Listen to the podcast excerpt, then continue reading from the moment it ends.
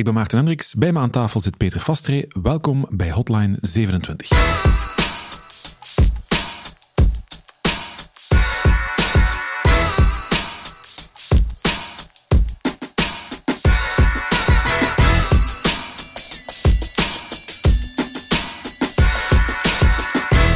Peter, vandaag op de planning ISO-certificaten. Ik wil eigenlijk van u weten waarom een bedrijf zoals Level 27 tijd en waarschijnlijk ook flink wat middelen investeert in een uiteindelijk mooi ingekaderd documentje dat volgens mij hier ergens in het gebouw aan de muur hangt. Hangt het aan de muur hier ergens? Inderdaad, ja. We hebben, we hebben twee kadertjes aan de muur hangen. Ja. ja misschien eerst vertellen welke certificaten jullie precies hebben. Uh, wij zijn ISO 27001 en 9001 gecertificeerd. 9001 is een bekende standaard, die ken ik zelfs. Over 27001 had ik nog nooit gehoord, maar daar gaan we zelfs alles van te weten komen. Nu, zo'n certificaat dat is eigenlijk een externe standaard. Wat is dan een interne standaard? Is geen examenvragen, Peter. Ah, oké. Ja. nee, de ISO-organisatie, dat is, dat is in feite niks meer of minder dan een organisatie die normen en standaarden vaststelt. Mm Dus dat wil eigenlijk niet zeggen dat... Ja, wat is een standaard in feite? Een standaard is gewoon een afspraak. Een afspraak over hoe je iets gaat doen of hoe je iets gaat bouwen. Dus elk bedrijf heeft daar interne standaarden voor. Bijvoorbeeld in McDonald's, alle McDonald's zien de hamburgers hetzelfde uit. Dat is intern. Die externe standaarden die ISO opstelt, ja, daar kunnen bedrijven zich voor certificeren. En zo kunnen we eigenlijk gemeenschappelijk een, een, een gemeenschappelijke standaard mhm. maken waar bedrijven aan voldoen. Ja. En kan je ze vergelijken met elkaar. We gaan beginnen bij de bekendste, dat is ISO 9001. Ik heb het altijd geassocieerd met grote bedrijven, grote industriële bedrijven, maar dat is blijkbaar niet zo. Wat houdt ISO 9001 precies in? Ja, dat heeft niks te maken met grootte. Hè? Dus dat is puur de norm voor kwaliteitssystemen. Dus bedrijven met ISO 9001, die hebben een systeem fundamenteel ingebouwd dat, dat aan de kwaliteit denkt. Mhm. Dus dat wil niet zeggen dat het kwaliteit is, of dat het lekker is, of dat uw dienst goed is, maar wel dat het bedrijf een, een bewustzijn heeft ingebouwd over wat voor dat bedrijf gelijk staat aan kwaliteit. Ja, Jullie werken dus aan de verbetering van de eigen kwaliteit, als ik het zo moet samenvatten. Ja, het, is, het, gaat er eigenlijk om, wat, wat, is, wat definiëren jullie als kwaliteit? Dus wat wij zeggen als kwaliteit is iets anders dan wat een ander bedrijf zegt. Bijvoorbeeld, ik heb er net McDonald's genoemd. Ja, McDonald's, niet iedereen vindt dat lekker, maar toch zijn zij, voldoen zij aan de ISO 9001 standaard. Mhm. Dus zij hebben een systeem opgebouwd om consistent overal in de wereld dezelfde slechte hamburgers te leveren. Oké. U weet ook de mening van McDonald's of van Peter? nee, dat, dat, dat, is maar, dat is maar een grapje. Maar het, het, het 9001-certificaat toont wel aan dat kwaliteit en consistentie, vooral die consistentie van uw mhm. dienstverlening, een topprioriteit is. Ja, dat is trouwens een geweldig scrabblewoord, een kwaliteitsmanagement systeem. Jullie hebben dat dus bij level 27 ook, of moeten ontwikkelen, veronderstel ik dan. Ja, we hebben dat gebouwd. Ja. Ehm, over naar ISO 27001, minder bekend, maar blijkbaar wel voor jullie een hele belangrijke. Ja, dat is iets enkel voor onze sector. Dat is een standaard in de informatiebeveiliging. Dus dat wil zeggen dat wij ook weer een systeem hebben opgezet waarin wij zeker zijn dat de klanteninformatie die wij behouden, die wij bewaren voor de klanten, dat wij die veilig bewaren. En waarmee wij dat ook natuurlijk bewijzen, ik kom er straks wel op terug, aan wie wij dat bewijzen, maar dat wij bewijzen dat dat ook effectief zo is. En het gaat hier blijkbaar om drie kernwoorden, las ik in uw blogpost. Vertrouwelijkheid, integriteit en beschikbaarheid. Ja, interessant hè? Ja, leg eens toe, wat bedoelt je met die drie woorden? Want dat klinkt natuurlijk heel mooi en wollig, maar maak het eens concreet, Peter. Ja, het, het laatste misschien beginnen, beschikbaarheid. Nu, het, Misschien heeft dat niks te maken, dat lijkt misschien niks te maken met veiligheid, maar toch is de beschikbaarheid heel belangrijk. Want dat is een heel belangrijk aspect van onze dienstverlening. Dat is wat wij doen, webhosting. Is het heel belangrijk dat die gegevens ook effectief beschikbaar zijn en ook absoluut noodzakelijk om het vertrouwen van de klanten te verdienen. Mhm. Dat is een hele belangrijke in de hostingwereld. Hè? Uptime van 99,999 procent, dat soort dingen. Beschikbaarheid is eigenlijk uptime, klopt. Vertrouwelijkheid, wat bedoelt je dan daarmee? Ja, dat is duidelijk. Hè? Dus dat wil zeggen dat wij de gegevens die wij bewaren, dat die vertrouwelijk bewaard worden. Dus dat jouw gegevens van onze klanten niet beschikbaar zijn voor anderen. GDPR-dingen en dergelijke. En dan de laatste, integriteit. Ja, dat wil zeggen dat de gegevens die bij ons gezet zijn, dat dat ook die gegevens zijn. Dus dat wij daar niet mee knoeien of veranderen of wat dan ook. Dus dat is niet hetzelfde als vertrouwelijkheid. Hè?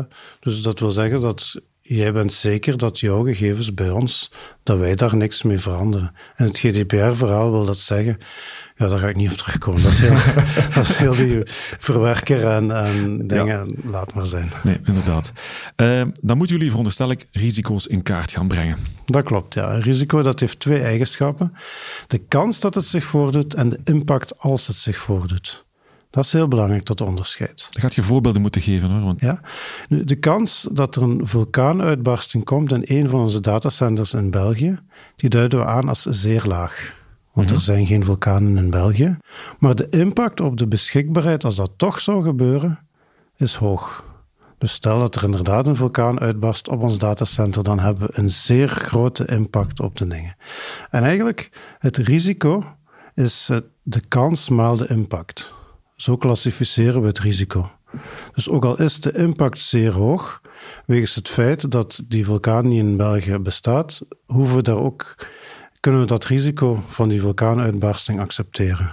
Een ander voorbeeld is eh, misschien wat, wat duidelijker. Uh, als bijvoorbeeld een, website van, van een van jullie klanten gehackt wordt, dat beschouwen jullie als een zeer hoog risico. Ja, dus die kans is zeer hoog. En dat gecombineerd met de impact op vertrouwelijkheid, integriteit en beschikbaarheid, is dat een risico dat we niet kunnen accepteren. In tegenstelling tot de vulkaanuitbarsting. Inderdaad. Dus we gaan geen maatregelen nemen tegen die vulkaanuitbarsting, maar we gaan dus wel degelijk heel veel maatregelen moeten stellen tegen het hacken van klanten. Ik wil overgaan naar de praktijk, want ik wil graag weten wat betekent het voor een bedrijf, zoals het jullie, jullie bedrijf, eh, als je ervoor kiest om achter die certificaten aan te gaan. Want het is niet zo dat je een eh, simpel mailtje moet sturen van mogen wij die certificaten even hebben. Daar moeten wel wat stappen voor gezet worden. Uh, is het eigenlijk alleen om dat uiteindelijke document te doen? Om dat logo bijvoorbeeld mooi onderaan de website te kunnen zetten van wij hebben een ISO-certificaat? Uiteraard. Goed, dan zijn we uitgepraat. Nee, nee, natuurlijk niet. Je kunt dat, dat heeft natuurlijk een commerciële mm drijfveer, dat ga ik niet ontkennen. Maar we wilden ook niet zomaar certificeren. Dus de tijd en middelen die we investeren is inderdaad aanzienlijk. Dus deden we het niet enkel voor het certificaat, maar ook omwille van strategie. Mhm. Dus we willen ook effectief, en dat, dat klinkt misschien een beetje wollig of idealistisch, maar we wilden ook effectief onze organisatie ook verbeteren. Vooral voor het 9001 verhaal daarmee, als, als je dat wilt behalen, dan moet er ook effectief een, een, een mindset in je organisatie zitten van ik wil mij constant verbeteren en, en naar een hoger niveau brengen. En het is dat, die, die ISO-certificatie, ik denk dat nu een viertal jaar geleden is, hebben wij echt wel als kantelpunt gebruikt om onszelf beter te maken. Ja.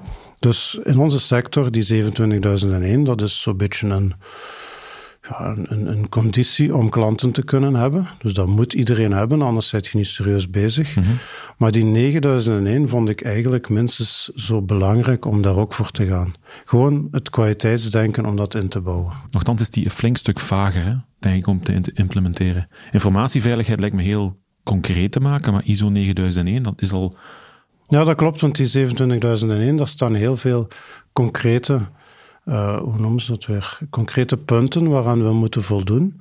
En dat is redelijk gemakkelijk als leidraad. Maar die 9001, omdat dat ook over alle sectoren toepasbaar is, is dat inderdaad vager. Dus daar moet je zelf een zinvolle invulling aan geven. Die 9001 lijkt me ook complexer om te verdedigen bij uw personeel, want die willen waarschijnlijk gewoon dingen gedaan krijgen en die gaan dan een aantal extra stappen moeten zetten vanaf nu. Ja, dat is, dat, dat is niet zo heel fijn. Hè. Er, zijn procedures, er zijn meetingverslagen, er zijn incidentrapporten, er zijn ja, al die zaken.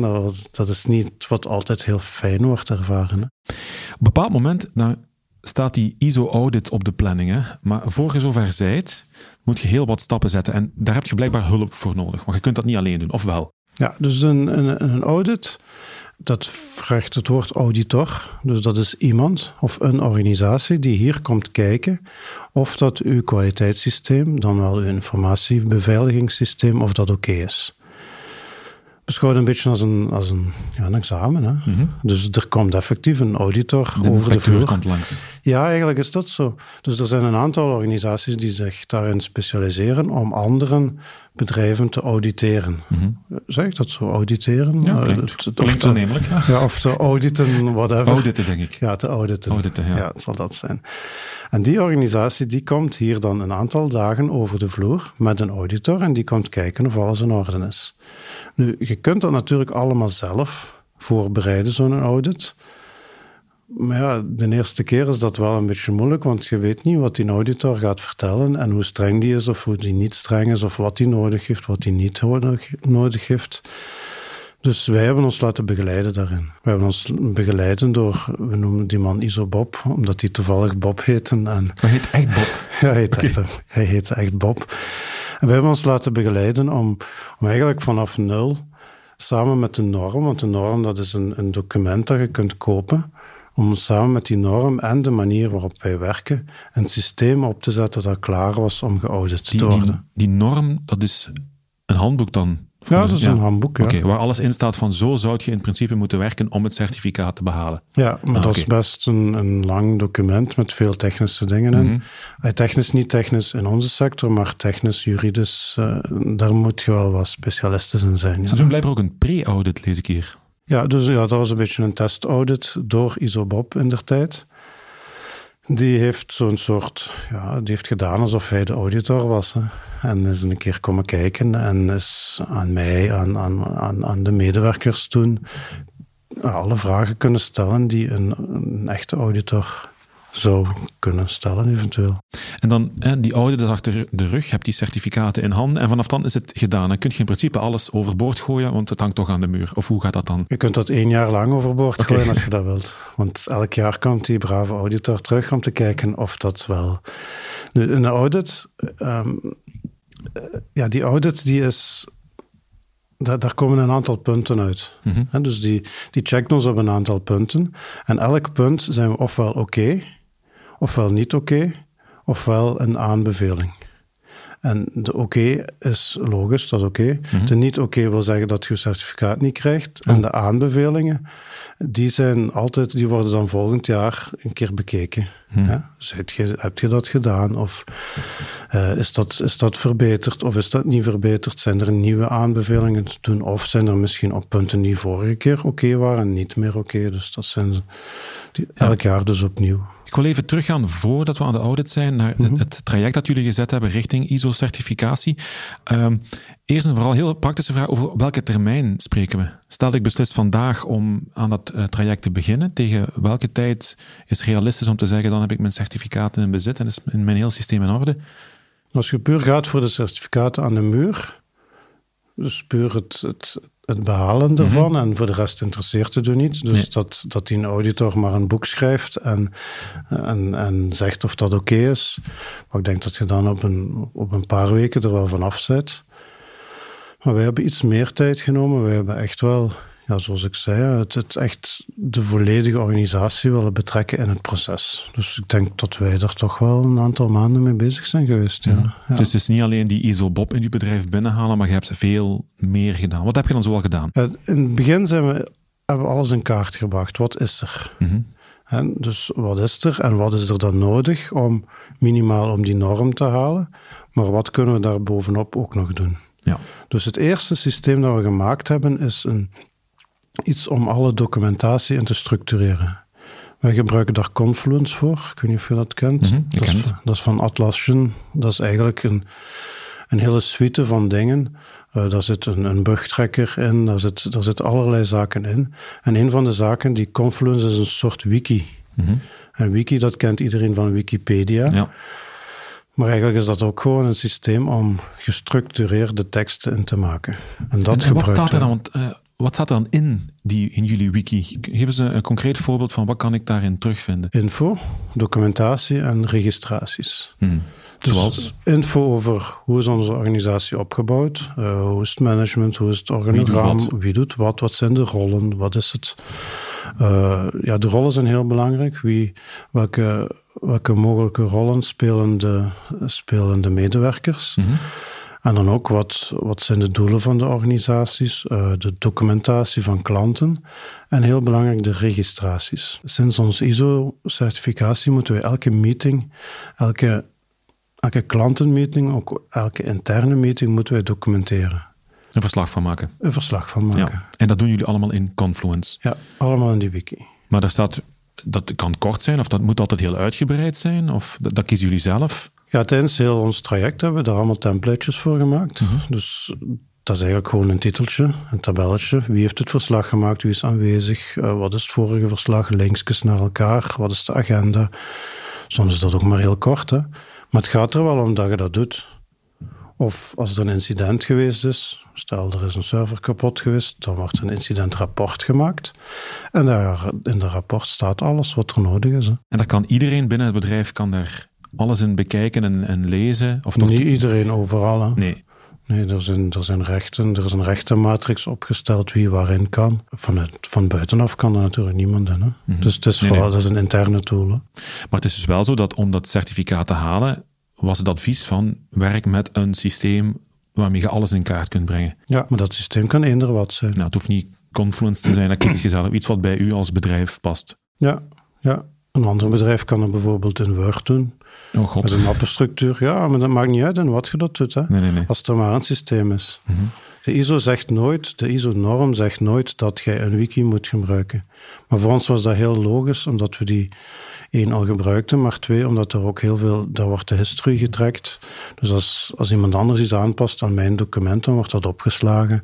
Er worden revisies van bijgehouden, dus dat is echt wel... Maar je moet dan intern toch behoorlijk wat afspraken maken, ook qua inhoud. Want als iedereen zomaar alles in die ja, in een wiki kun je letterlijk alles zetten. Hè? Ja, En sommigen zullen dat heel uitgebreid doen, en anderen zeggen weer, oh, in eerlijke kan ik het ook wel uitleggen. iedereen heeft zijn eigen schrijfstijl, maar ze moeten wel binnen het kader blijven. Mhm. Dus binnen de template. Dus als er een meetingverslag is, dan moet die template gebruikt worden en moet dat ingevuld worden. De ene schrijft wel wat meer dan de En andere. is iedereen dan online enthousiast over? Nee. Nee. maar je moet wel iedereen mee op de kaart krijgen dan. Ja, dat is een, een voorwaarde. Ja. Maar natuurlijk, iedereen wil het ook wel. Hè? Anders waren we niet aan het, aan het project begonnen Mhm. natuurlijk. Hè? Iedereen zag het wel. En op dat moment waren er ook nog niet met zoveel. Hè? Nee. En nu, iedereen die nu binnenkomt, ja, die ziet dat dat er is. En die heeft ook daaraan te voldoen natuurlijk. Maar tijdens dat traject heeft ook iedereen, alle medewerkers, een taak gekregen? Of was het gewoon ja, jij als CEO en nog iemand anders die alles op zich trokken? En, of hoe moet ik dat zien? Zo, je hebt altijd mensen die aan de kar moeten trekken, maar iedereen moet wel mee. Ja. Iedereen, moet op de kar. En af en toe eens duwen aan het karken. Ja. Eh, ik lees ook nog ClickUp. Wat doen jullie daarmee dan? ja, dus Confluence, daar zit heel veel tekst in, maar heel vaak komen er actiepunten. En actiepunten, dat, heeft, dat moet ook... In het begin deden we dat met Trello. Trello is misschien ook wel bekend. Ja. Trello is een soort to-do-systeem. We zijn dat nu de laatste tijd wat ontgroeid en daarom hebben we ClickUp. Dat is echt een projectmanagement systeem waarin wij taken steken en opvolgen en, en, deadlines opplakken en, en koppen opplakken van jij gaat dit doen en die wil daarvan op de hoogte gebracht worden en inschattingen, eh log, tijd loggen, heel best uitgebreide tool. En dan op een bepaald moment is daar die gevreesde audit. Is dat één dag, een paar uur? Wat is, hoe moet ik dat zien? Er waren verschillende dagen. Oké, en, en dat is een heel team dat dan naar hier komt? Nee, dat, nee, dat moet je het ook niet overdrijven. Nee. Dat is natuurlijk op basis van de grootte van uw organisatie, veronderstel ik. Mhm. Eh, dus voor, voor een Deloitte te auditen zal er iets meer nodig zijn dan, dan voor ons. In ons geval was er, was er één auditor die kwam naar hier en die kwam de boel eens allemaal bekijken. En is dat ook iemand die echt de hostingwereld ook kent?